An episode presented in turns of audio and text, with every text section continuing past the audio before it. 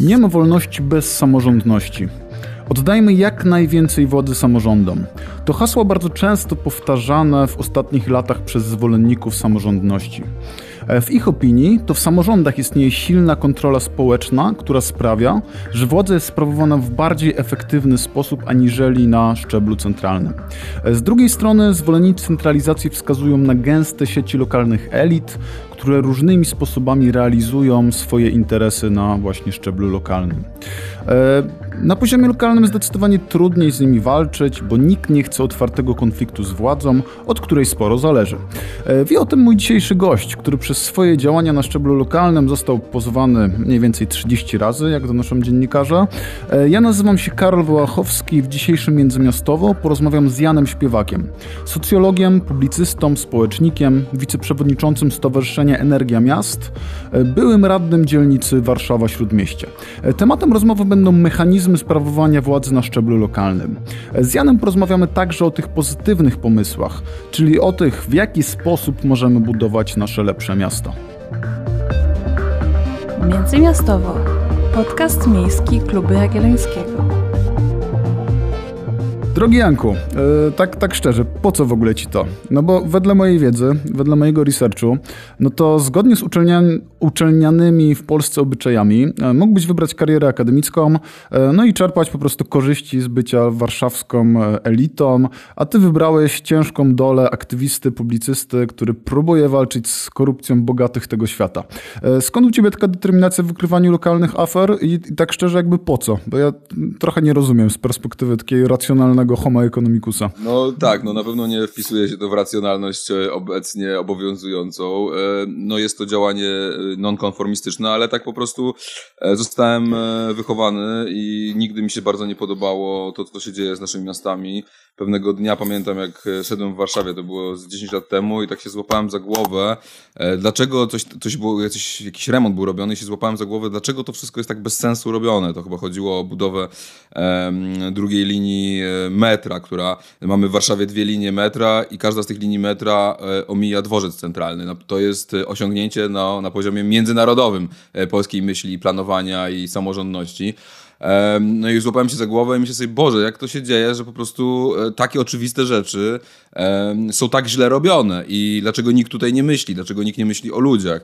No i e, jakiś taki brak e, zgody i zrozumienia na to, co się dzieje w moim najbliższym otoczeniu w Warszawie, spowodował, że się bardziej tym zacząłem interesować. Potem była historia osiedla jazdów, takiego miejsca przy Sejmie, centralnie w samym centrum Warszawy, osiedle fińskich domków wybudowane tuż po wojnie, które miało być zburzone tam miały powstać apartamentowce, jakieś ambasady. I to był taki moment, kiedy już powiedzieliśmy, nie, no to już jest za dużo, to już trzeba coś z tym zrobić, trzeba pokazać, że się nie zgadzamy na to niszczenie miasta przez deweloperów, przez władze samorządowe.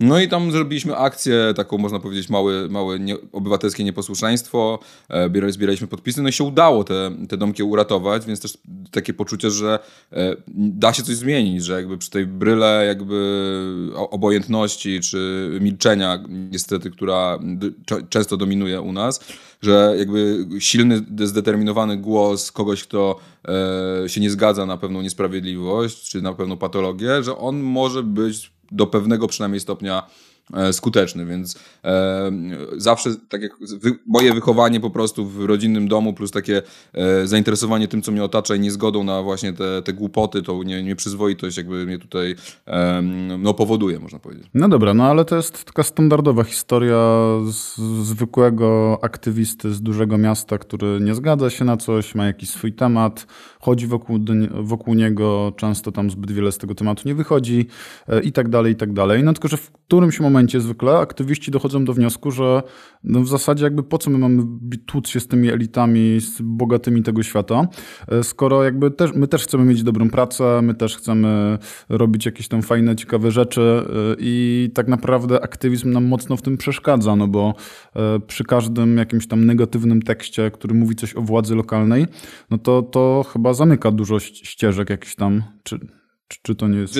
Cenzura istnieje po pierwsze i też, yy, że tak powiem, konsekwencje polityczne za działanie przeciwko władzy, czy to władzy rządowej, czy, czy samorządowej, one są bardzo realne i oczywiście nie wiem, czy tak jest jak już, czy już jest jak w PRL-u, ale ostatnio mój kolega, zresztą pracujący Krakowie, który współpracuje ze mną, e, za współpracę ze mną e, publiczną był e, mobbingowany tak długo, aż po prostu musiał zmienić pracę, tak, bo e, nie wytrzymywał już e, tej, e, tej przemocy po prostu psychicznej i, i po prostu naprawdę no, musiał po prostu wykonać taki krok, żeby, żeby pójść do innej pracy, więc te konsekwencje są jak najbardziej realne. Ja na pewno mam też, wiem o tym, bo wielokrotnie to już widziałem na własne oczy, mam wilczy bilet w bardzo wielu instytucjach. E, nie dostajemy żadnych grantów, nie dostajemy różne, że tak powiem, opcje zawodowe przede mną są pozamykane. Jakieś wydawnictwo chciało zamówić u mnie książkę, po dwóch tygodniach nagle magicznie się wycofało, mimo że wydaje mi się, że książkę bym pewnie sprzedał. Jak wyszła moja książka o aferze reprywatyzacyjnej, to dostałem jedną tylko recenzję, co jest jednak ewenementem też, e, jeśli chodzi o rynek e, wydawniczy. Więc niewątpliwie konsekwencje są bardzo realne. Do tego są oczywiście konsekwencje pod tytułem te pozwy, akty oskarżenia, godziny czy tygodnie, czy nawet miesiące spędzone na salach sądowych, ogromna e, presja ze strony mediów sprzyjających e, władzy. No ja byłem obiektem nagonki po prostu w pewnym momencie przez, e, robionej przez Gazetę Wyborczą, tak, jakby i to było naprawdę mało przyjemna rzecz, mimo że już wiele rzeczy widziałem. No i e, na pewno jest to, nie jest to łatwe i dlatego tym się zajmuje bardzo niewielu ludzi, tak? Ja mam to e, luksus i mam ten przywilej, że po pierwsze pochodzę z tak zwanego dobrego domu e, i mam dość znane nazwisko dzięki mojemu ojcu. To jest po pierwsze. Po drugie, no, sam fakt, że się wychowałem w Warszawie w tak zwanym dobrym domie powodował, że ja nie musiałem nigdy, tak jak pan Maczak e, zachęcał, pracować e, prawda, e, po 16 godzin, żeby móc się utrzymać na powierzchni, tylko mogłem się zajmować też rzeczami, które no, nie są aż tak po prostu no, przyziemne, tylko prawda, analizą, patrzeniem szerzej, badaniem jakichś, no, spędzaniem tygodni czy miesięcy na jakichś własnych śledztwach. Tu przede wszystkim reprywatyzacja. No a teraz jest taki układ, no, że e, prawdopodobnie gdyby nie to finansowanie społecznościowe, czyli tak zwany patronaj, no to ja pewnie no nie wiem, co właściwie bym robił, tak? Bo, no bo taka działalność, jaką ja prowadzę, no, no nikomu nie jest na rękę, to na pewno. I w tym miejscu możemy polecić e, ostatni odcinek kultury poświęconej e, dziennikarzy z klubu jagiellońskiego.pl, gdzie właśnie omawiają ostatnią książkę Taty, Maty, Maty, Taty i całej rodziny matczaków.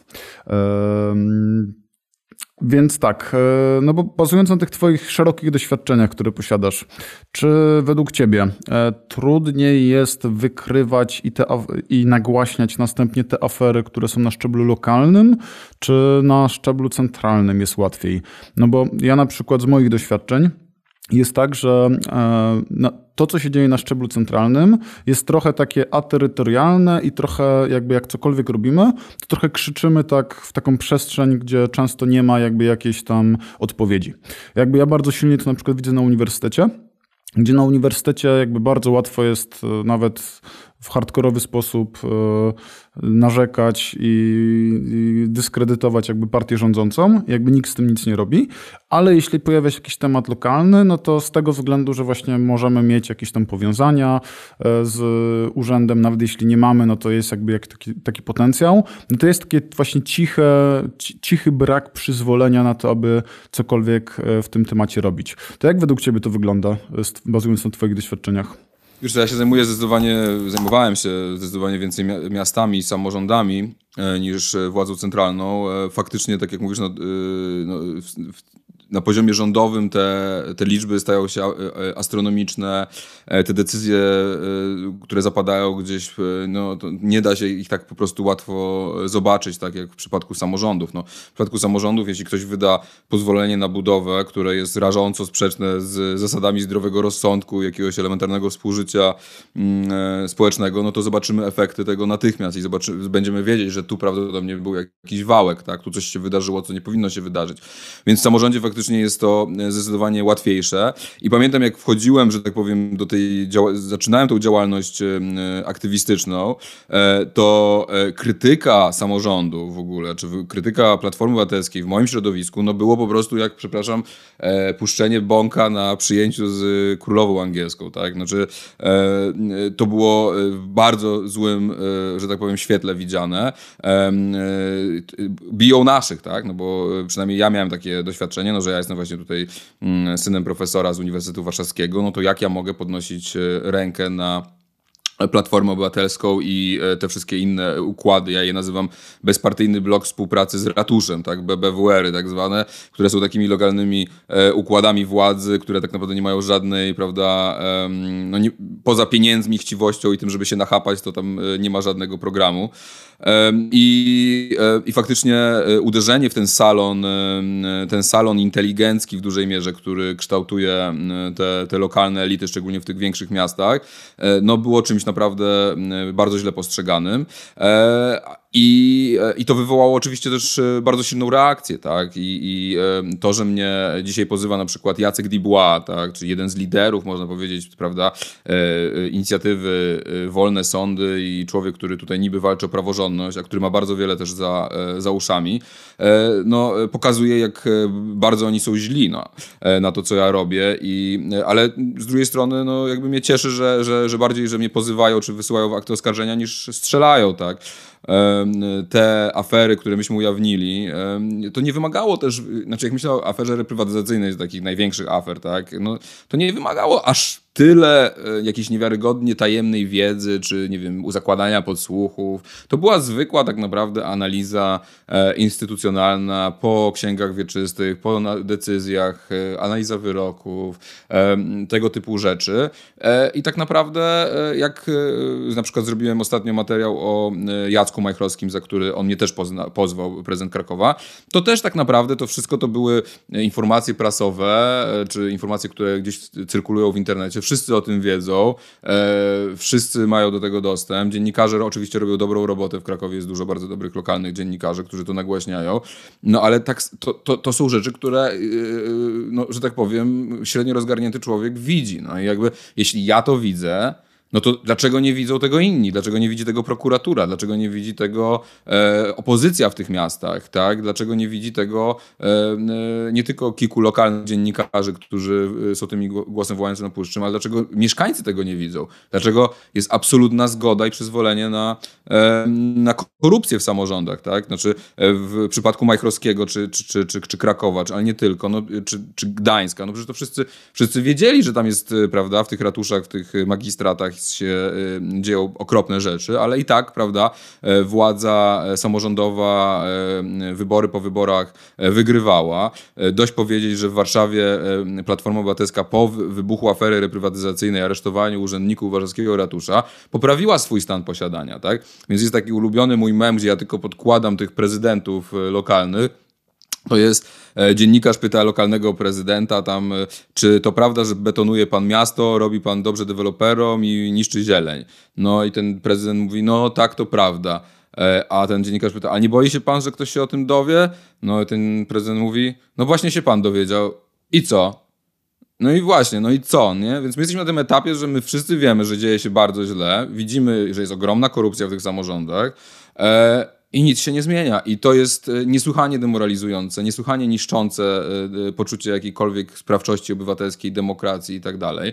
No ale ten podział między PO a PiS-em i, i rozpad państwa polskiego, bo inaczej tego chyba się nie da nazwać na tym etapie, tak? Po prostu absolutne e, państwo z kartonu, które nie jest w stanie funkcjonować w żaden sposób, no jakby powoduje, że e, jakość zarządzania i poziom jakby uczciwości tych naszych samorządów i tej Polski lokalnej, no po prostu jest dramatycznie niski, tak? I e, nie ma e, niestety na horyzoncie e, nadziei specjalnej na poprawę, bo jak patrzę na nowe siły, chociażby takie jak Szymon Hołownia, no to on w Krakowie Krakowie sobie wziął za szefa struktur prawą rękę Majchrowskiego, tak? No więc ewidentnie widać, że po prostu ten układ też ma nieprawdopodobne e, możliwości, umiejętności, e, e, że tak powiem, odradzania się, tak? E, jakiś tam szukania nowych form i zawsze ten układ, który rządzi tymi lokalnymi e, samorządami, zawsze ten układ e, wyjdzie obronną ręką i, i sobie poradzi, tak? I, no, i, no, i, no i to jest myślę, że to jest, to jest potężne jako oskarżenia wobec polskich elit, wobec mediów, wobec akademii, wobec polityków, e, e, że, że pozwoliliśmy sobie coś takiego zrobić. I, a, a, myślę, że nie jest,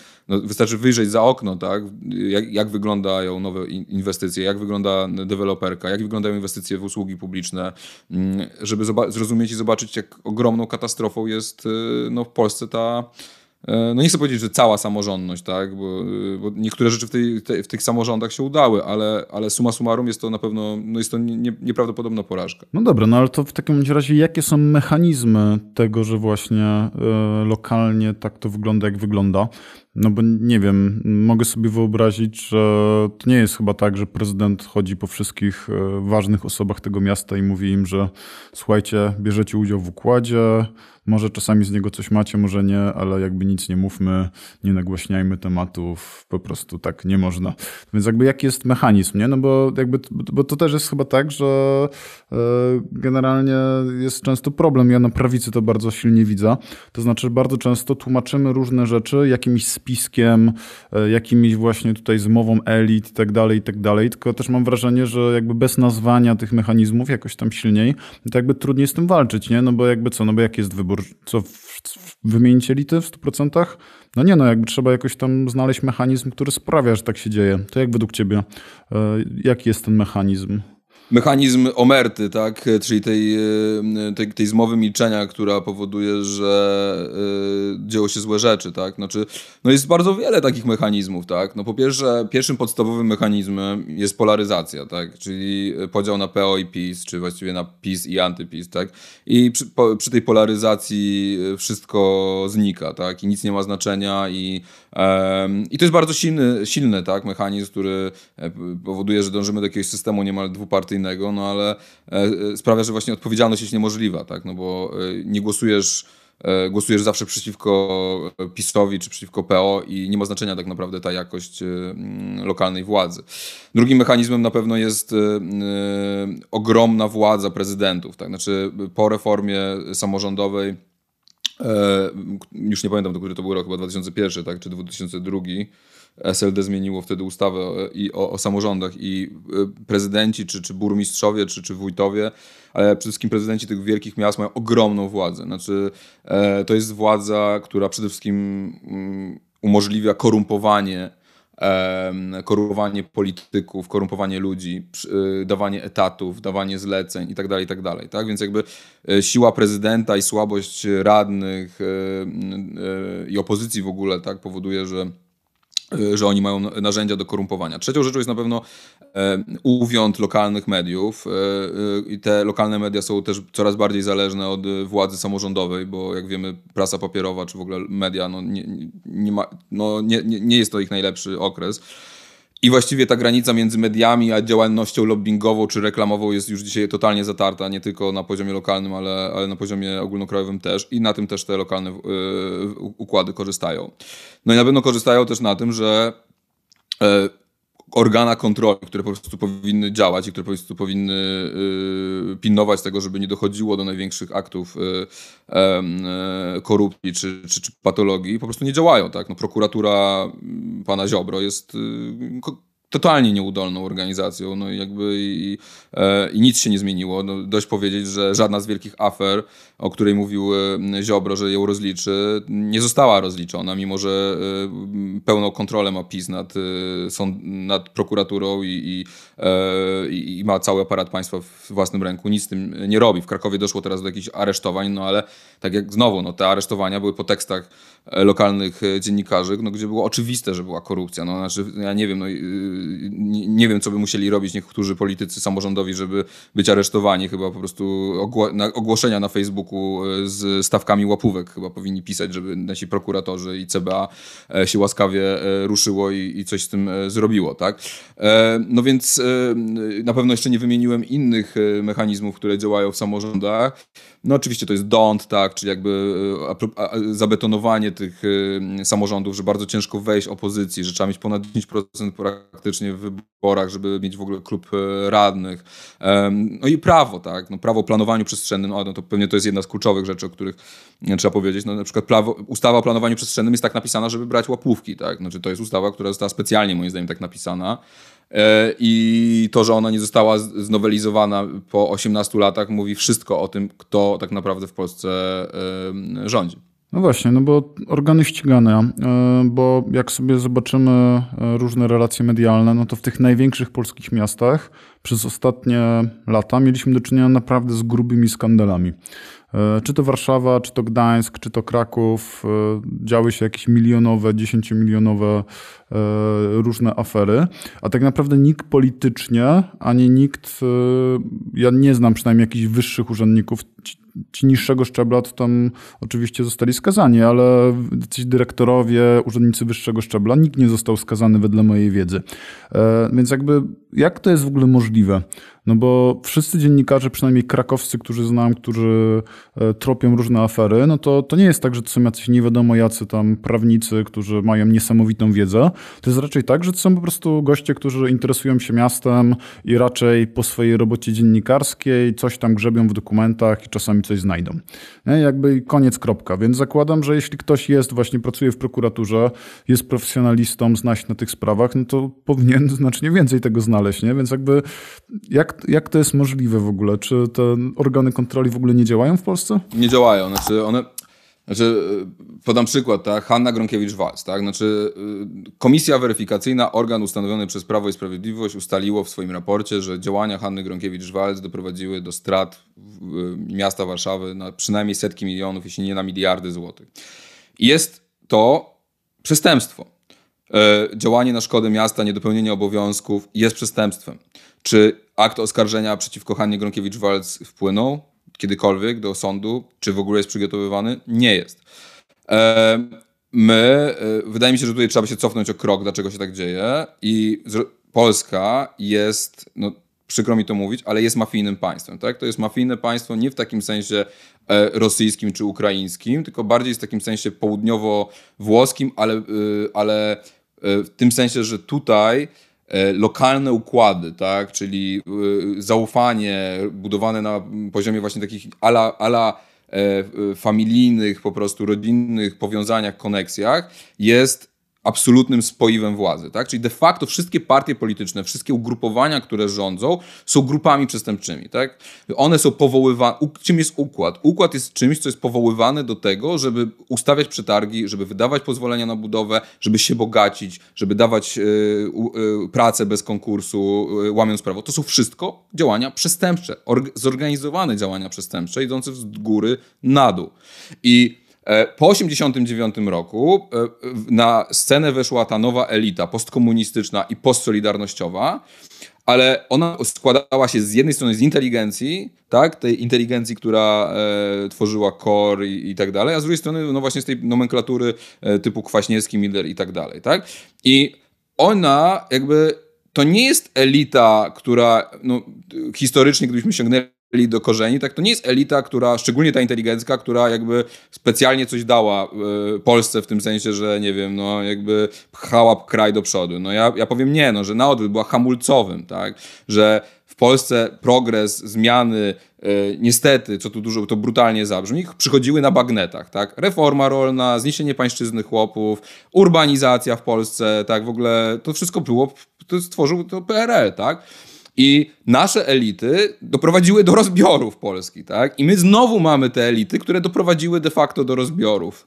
E, I jeśli tak będziemy myśleć o e, tym, co się dzieje w Polsce, to zrozumiemy, na jak niebezpiecznej trajektorii jesteśmy, tak? Jak, jak, niebezpieczny, jak oddaliśmy władzę w ręce naprawdę niebezpiecznych ludzi, bo to są ludzie, którzy są elitą no, kompradorską, tak? Czyli to jest elita kolonialna, to jest elita, która jedynym założeniem ma e, eksploatację zasobów naturalnych, i taniej siły roboczej, przejęcie nadwyżki, akumulację tej nadwyżki, ewentualnie podzielenie się z tą nadwyżką zachodnimi korporacjami. To jest dzisiaj elita E, trzeciej RP, e, która nie ma poczucia od, e, odpowiedzialności za społeczeństwo, nie czuje się związku z tym społeczeństwem tak naprawdę żadnego, nie myśli w sposób długoterminowy, nie jest w stanie myśleć dłużej niż pryzmat jednej kadencji i wszystko jest zanurzone właśnie w tym sosie tego, to co nazywają socjologowie amoralnego familiaryzmu, tak? czyli tych relacji, które nie są relacjami publicznymi, nie są relacjami wynikającymi z tym, że ktoś jest urzędnikiem, nie wiem, podwładnym,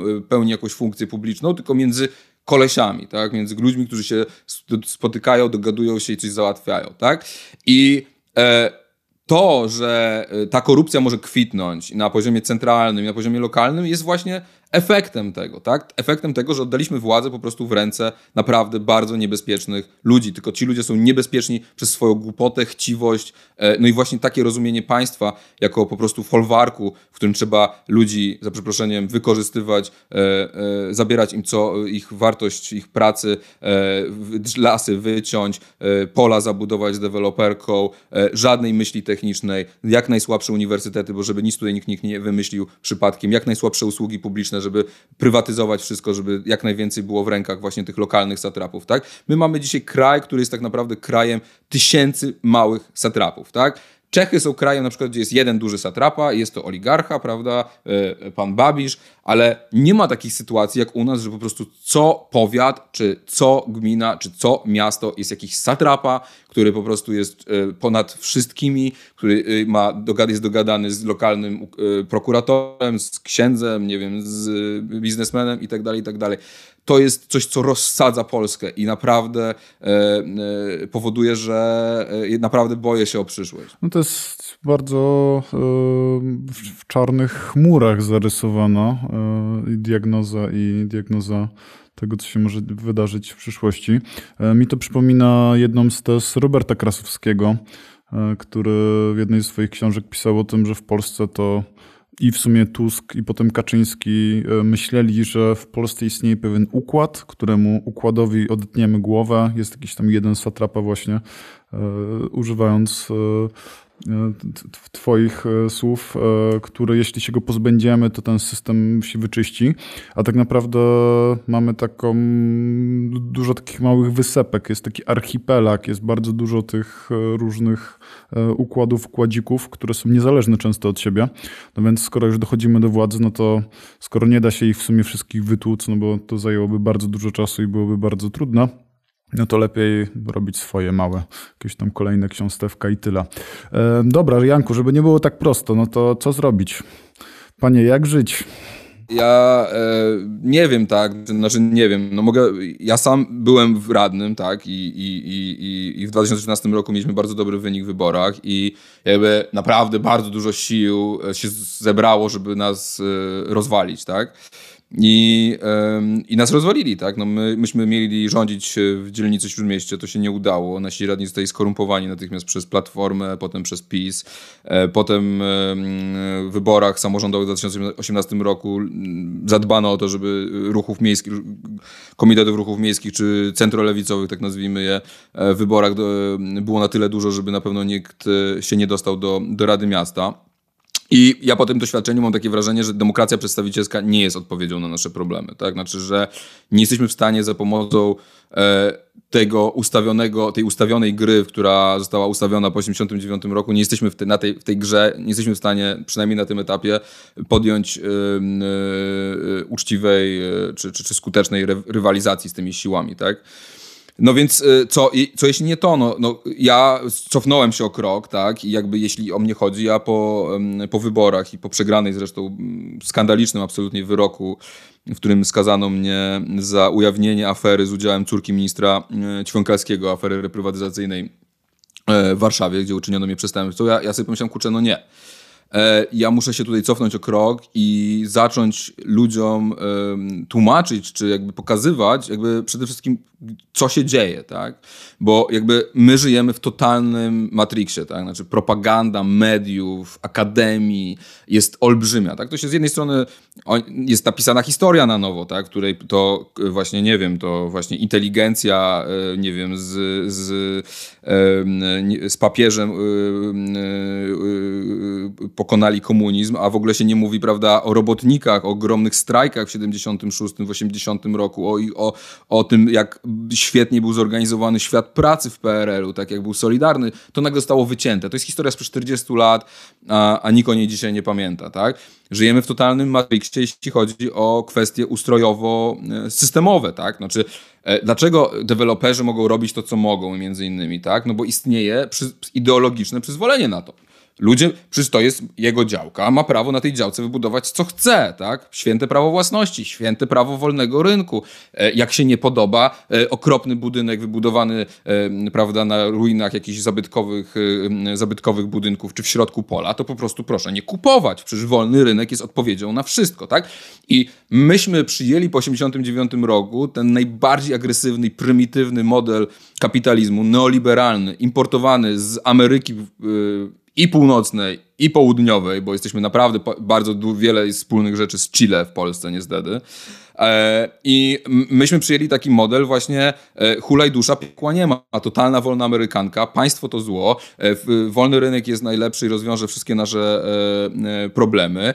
I w takim frameworku, za przeproszeniem użyję takiego angielskiego słowa, w takim, w takim obramowaniu bardzo łatwo jest kraść, bardzo łatwo jest niszczyć prywatyzować, brać łapówki i tak dalej, i tak dalej, tak? No bo jakby my chcemy tutaj, prawda, zbudować nowy, nowy wolnorynkowy kapitalistyczny e, społeczeństwo oparte, prawda, na własności i tak dalej, i tak dalej. No tylko e, i więc ten, ten, ten, ten, to oprogramowanie ideologiczne, tak? Ten, ta ideologia, w której my żyjemy dzisiaj, która jest bardzo opresyjna, nie wiem, czy taka opresyjna e, na pewno jak e, komunizm, ale czy, czy, czy ten socjalizm realny, czy jak to nazwiemy, co istniało w Polsce, ale no, jest niesłychanie skuteczna i, niesły, i wszechobecna, stosująca cenzurę, stosująca przymusy różnego rodzaju i tak dalej, E, I my musimy, żeby w ogóle coś się mogło w Polsce zmienić, takie mam przynajmniej wrażenie, my musimy e, e, obalić ten system, albo przynajmniej pokazać ludziom, że on jest kurczę absurdalny, tak? I że on nie prowadzi do niczego dobrego i że, my, że ten podział tak naprawdę nie, nie jest dzisiaj podziałem na PiS i Platformę, tylko jest podział na indywidualistów, skrajnych indywidualistów, którzy chcą po prostu, uważają, że rozwiązanie wszystkich ich problemów to jest indywidualizm, wolny rynek, jak będziesz ciężko pracować, to będziecie stać na wyleczenie raka w LuxMedzie, bo to jest mniej więcej ta propozycja, którą oni mają, bo za 20 lat nie będzie w ogóle żadnej publicznej opieki zdrowotnej, tylko prawda, będzie już tylko prywata, tak jak jest właśnie w Ameryce e, Łacińskiej czy, e, czy Północnej że to nie jest, e, że, że, taki, że taki pomysł na, na, na rzeczywistość jest po prostu. E, e, no, no, ten, ci, ci, indywidualiści mają taki pomysł na, na tą rzeczywistość, który jest po prostu absurdalny i on się musi wykoleić, on się wykoleja. I z drugiej strony mamy tych wszystkich, których ja nazywam komunitarianami, tak, czy wspólnotowcami, tych, którzy chcą rozwiązywać problemy nasze wspólnie, tak, za pomocą e, przede wszystkim państwa, regulacji, e, e, usług publicznych, tego, żeby jednak to, prawda, państwo obsługiwało interesy biednych i klasy średniej, a nie tak jak jest dzisiaj obsługuje interesy bogatych, no bo to też jest bardzo ważne, także jakby Polska staje się feudalnym państwem, tak? Ten podział na klasę posiadającą, która żyje z kapitału, z 10-20 mieszkań, i cała reszta, która zapiernicza na, na tych, którzy mają te 10-20 mieszkań, w pandemii nam się po prostu e, e, no, wybuchł ten podział, tak? Znaczy już wcześniej się to działo, ale teraz, prawda, z tymi, widzimy, co się dzieje na rynku nieruchomości e, i, i, i, i widzimy, że całe pokolenie 20, ale też młodszych 30-latków jest, będzie skazane do końca życia na wynajem, tak? Prywatny wynajem, co oznacza de facto w Polsce biedę na starość albo biedę nawet w ciągu życia, tak? Więc e, my musimy to wspólnie jakoś przywalczyć, tak? I e, nie da się tego zrobić bez mobilizacji e, klasy średniej, klasy niższej, tak, czy klasy ludowej, czy klasy pracującej. Tu musi być sojusz tych dwóch klas e, przeciwko elitom, przeciwko inteligencji i przeciwko nomenklaturze postkomunistycznej. Niestety, e, która no, jakby też się przeformowała jakiś rodzaj inteligencji. Tak? Więc dopóki tej, z tego sojuszu nie będzie, no to my dalej będziemy na ścieżce do, do, tak, do, tych symbolicznych rozbiorów. Tak? No dobra, a to, czy to nie jest tak, że to, co ty proponujesz, to jest rewolucja w ogóle kulturowa w Polsce i też biorąc pod uwagę wyniki wyborów, no to partia razem ile zbierała? 5%, maksymalnie 6%. I to są ci ludzie, którzy są tutaj wspólnotowcami według ciebie, e, a cała reszta to są indywidualiści, więc e, to, co proponujesz, to jest jakby rewolucja kulturowa. A gdyby, no bo zakładam, że rewolucja kulturowa to jest coś, co się dzieje raczej przez dekady, a nie lata. A czy są jakieś w ogóle jakiekolwiek e, decyzje, które mogłyby być podjęte, żeby chociaż trochę uzdrowić te samorządy? To znaczy, no nie wiem, wyobraźmy sobie, że z jakimś cudem zostajesz prezydentem jakiegoś mniejszego miasta. Pewnie w Warszawie to już byłoby trudno e, z, z, powodu podpadnięcia elitą, ale powiedzmy, idziesz drogą Roberta Biedronia e, i zostajesz burmistrzem, nie wiem, Skierniewic, czy tam prezydentem Skierniewic. Co, jaka jest twoja pierwsza decyzja, aby właśnie uzdrowić jakoś te, ten skierniewicki samorząd? Wiesz co, to nie jest rewolucja kulturowa, jeśli mogę tego powiedzieć, tylko to jest rewolucja klasowa. I PiS miał szansę ją zrobić. PiS jest, reprezentuje ludzi, którzy są bardzo egalitarni, którzy uważają, że państwo powinno być silne, którzy są przeciwnikami prywatyzacji, tak? To, że oni są na prawicy, a nie na lewicy, no to jest tylko efekt tego, co się wydarzyło przy okrągłym stole i tej zdrady robotników, która miała wtedy e, miejsca, właściwie nie przy okrągłym stole, tylko 6 miesięcy później przy e, planie Balcerowicza. Więc PiS już to troszkę zrobił. I gdyby PiS miał większe jaja, i gdyby Kaczyński trochę był silniejszy, to on byłby w stanie to zrobić, tak? E, bo e, jego sojusz wyborczy opiera się na sojuszu ludzi, którzy przede wszystkim żyją z pracy, którzy są źle traktowani, więc można to zrobić. E, I Polacy są egalitarnym społeczeństwem, mimo wszystko, tak? Tylko Polacy są po prostu społeczeństwem, które było bardzo ciężko doświadczone przez transformację i gdzie elity naprawdę no, urządzają nieustające pranie mózgu ludziom, tak? Na Instagramach, na YouTubach, na... I, do tego żyjemy w Matrixie. Jakbym został prezydentem e, e, Skierniewic czy innego e, miasta, to bym myślę zaczął od no, po pierwsze audytu jakiegoś, tak, czyli zorientowania się w ogóle co się dzieje, a po drugie od transparentności, tak, czyli jakby tego, żeby wszystkie decyzje, przede wszystkim decyzje dotyczące pozwoleń na budowę, warunków zabudowy były publiczne i żeby ludzie, którzy, że tak powiem, będą w ten sposób jakoś dotknięci, żeby oni o tym wiedzieli, tak. Ostatnio rozmawiałem z urbanistą z Londynu, który powiedział, że jak wiesz, że w, w Anglii jest tak, że jak coś się zaczyna budować, no to w ogóle e, ju, ju, jeszcze na etap, już na etapie gotowego projektu ludzie mają, dostają listy do skrzynki, tak, i, i, są ogłoszenia, i są plakaty, że mogą ciągle zgłaszać uwagi, tak. W Polsce no, dowiadujesz się o tym, że coś jest budowanego E, dosłownie, e, dosłownie gdy, gdy wiedzie ciężki sprzęt. Tak? Pozdrowienia dla Kosmy Nykla w tym momencie. Który naprawdę tutaj robi dobrą robotę, jak z nim rozmawiałem. Ale oczywiście masz rację, no, że jakby funkcjonując w ramach tego układu i tego systemu, no jest y, władza tych samorządowców, no żeby tak naprawdę przynieść jakąś realną zmianę, jest w dużym stopniu ograniczona. Na pewno rzeczy, gdzie, które samorządy mogłyby robić z ogromnym powodzeniem, a których nie robią, to jest na przykład budownictwo mieszkaniowe, tak? Czyli e, budowanie mieszkań tanich na e, wynajem, tak? E, takie narzędzia samorządy mają, mają często po PRL-u, mają bardzo duże nieruchomości, mają do tego naprawdę możliwości, jest też tani, dzisiaj jest tani dług, są możliwości finansowania z Europejskiego Banku. Więc jakby e, Usługi publiczne, to jest kolejna rzecz, tak? Znaczy, na tym problem polega, że samorządy często y, no, nie mają dość środków, żeby te usługi publiczne faktycznie e, e, wspierać, tak? Ale transport publiczny czy edukacja, no to są jakby kluczowe rzeczy, które każdy samorząd musi zapewnić, tak? E, na pewno byłbym samorządowcem, który by walczył z galeriami handlowymi, który by walczył z tym, co E, niszczy lokalną przedsiębiorczość, czyli e, z tymi wszystkimi rzeczami, które e, no, powodują, że w centrach miast często jest pusto, tak, te betonowe rynki i tak dalej, i tak dalej. To są oczywistości już, tak? Tu jest naprawdę, jeśli chodzi o ochronę środowiska, jeśli chodzi o mieszkalnictwo, jeśli chodzi o wspieranie lokalnej przedsiębiorczości, biznesów, jeśli chodzi o transparentność czy walkę właśnie z tą korupcją, no to to są elementarne rzeczy, które myślę, że każdy samorządowiec może robić, ale e, przykład chociażby, wiesz, Warszawy pokazuje, że bez na przykład planowania aglomeracyjnego e, bardzo wiele rzeczy będzie ciężko zrobić, tak? Bez inwestycji na przykład w transport publiczny, który wykracza poza miasta, e, jest bardzo ciężko coś zrobić, tak? U nas e, myśmy wybrali taki model, że gminy mają, są, z jednej strony mają ogromną władzę planistyczno-inwestycyjną, jeśli chodzi o, o, o swoje, że tak powiem, granice, nie mają często na to środków, ale nie ma żadnego e, myślenia w skali e, regionu czy, czy aglomeracji. Tak? Są te idiotyczne powiaty, które po prostu nie istnieją ciągle, już dawno powinny być zlikwidowane, ale istnieją, bo dają pensje i można brać na lewo jakieś dochody z nich.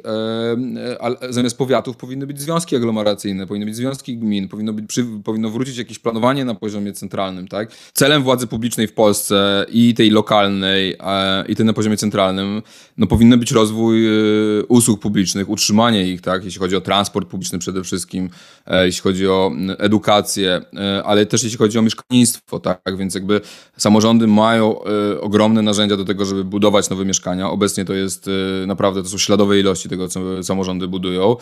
Samorządy powinny przeciwdziałać no, takim zjawiskom właśnie jak rozlewanie się miast, jak rozrzedzanie zabudowy, jak odralnianie działek, bo potem to skutkuje bardzo rozproszoną zabudową, bardzo wysokimi kosztami infrastruktury, e, które jak zresztą NIK e, mówi w swoim raporcie o chaosie przestrzennym, mogą być źródłem bankructw gmin e, w niedalekiej przyszłości, bo spada w większości gmin spada populacja, czyli spada liczba osób, które płacą podatki, a e, rośnie, e, rosną wydatki na bardzo rozdętą infrastrukturę, więc e, no, samorządy powinny po prostu być tutaj tym pierwszą linią frontu, że tak powiem, walki o państwo opiekuńcze, o, o państwo, które dba o swoich obywateli, no a niestety zamiast tego no, mamy absolutny chaos i wolną amerykankę. No dobra, co byś powiedział o roli informacji w ogóle w tych wszystkich procesach? Kilka odcinków temu nagrywałem nagrywałem e, podcast z Tomaszem Borejzą, czyli lokalnym tutaj dziennikarzem z Krakowa, który ma spore doświadczenie w ogóle tej pracy.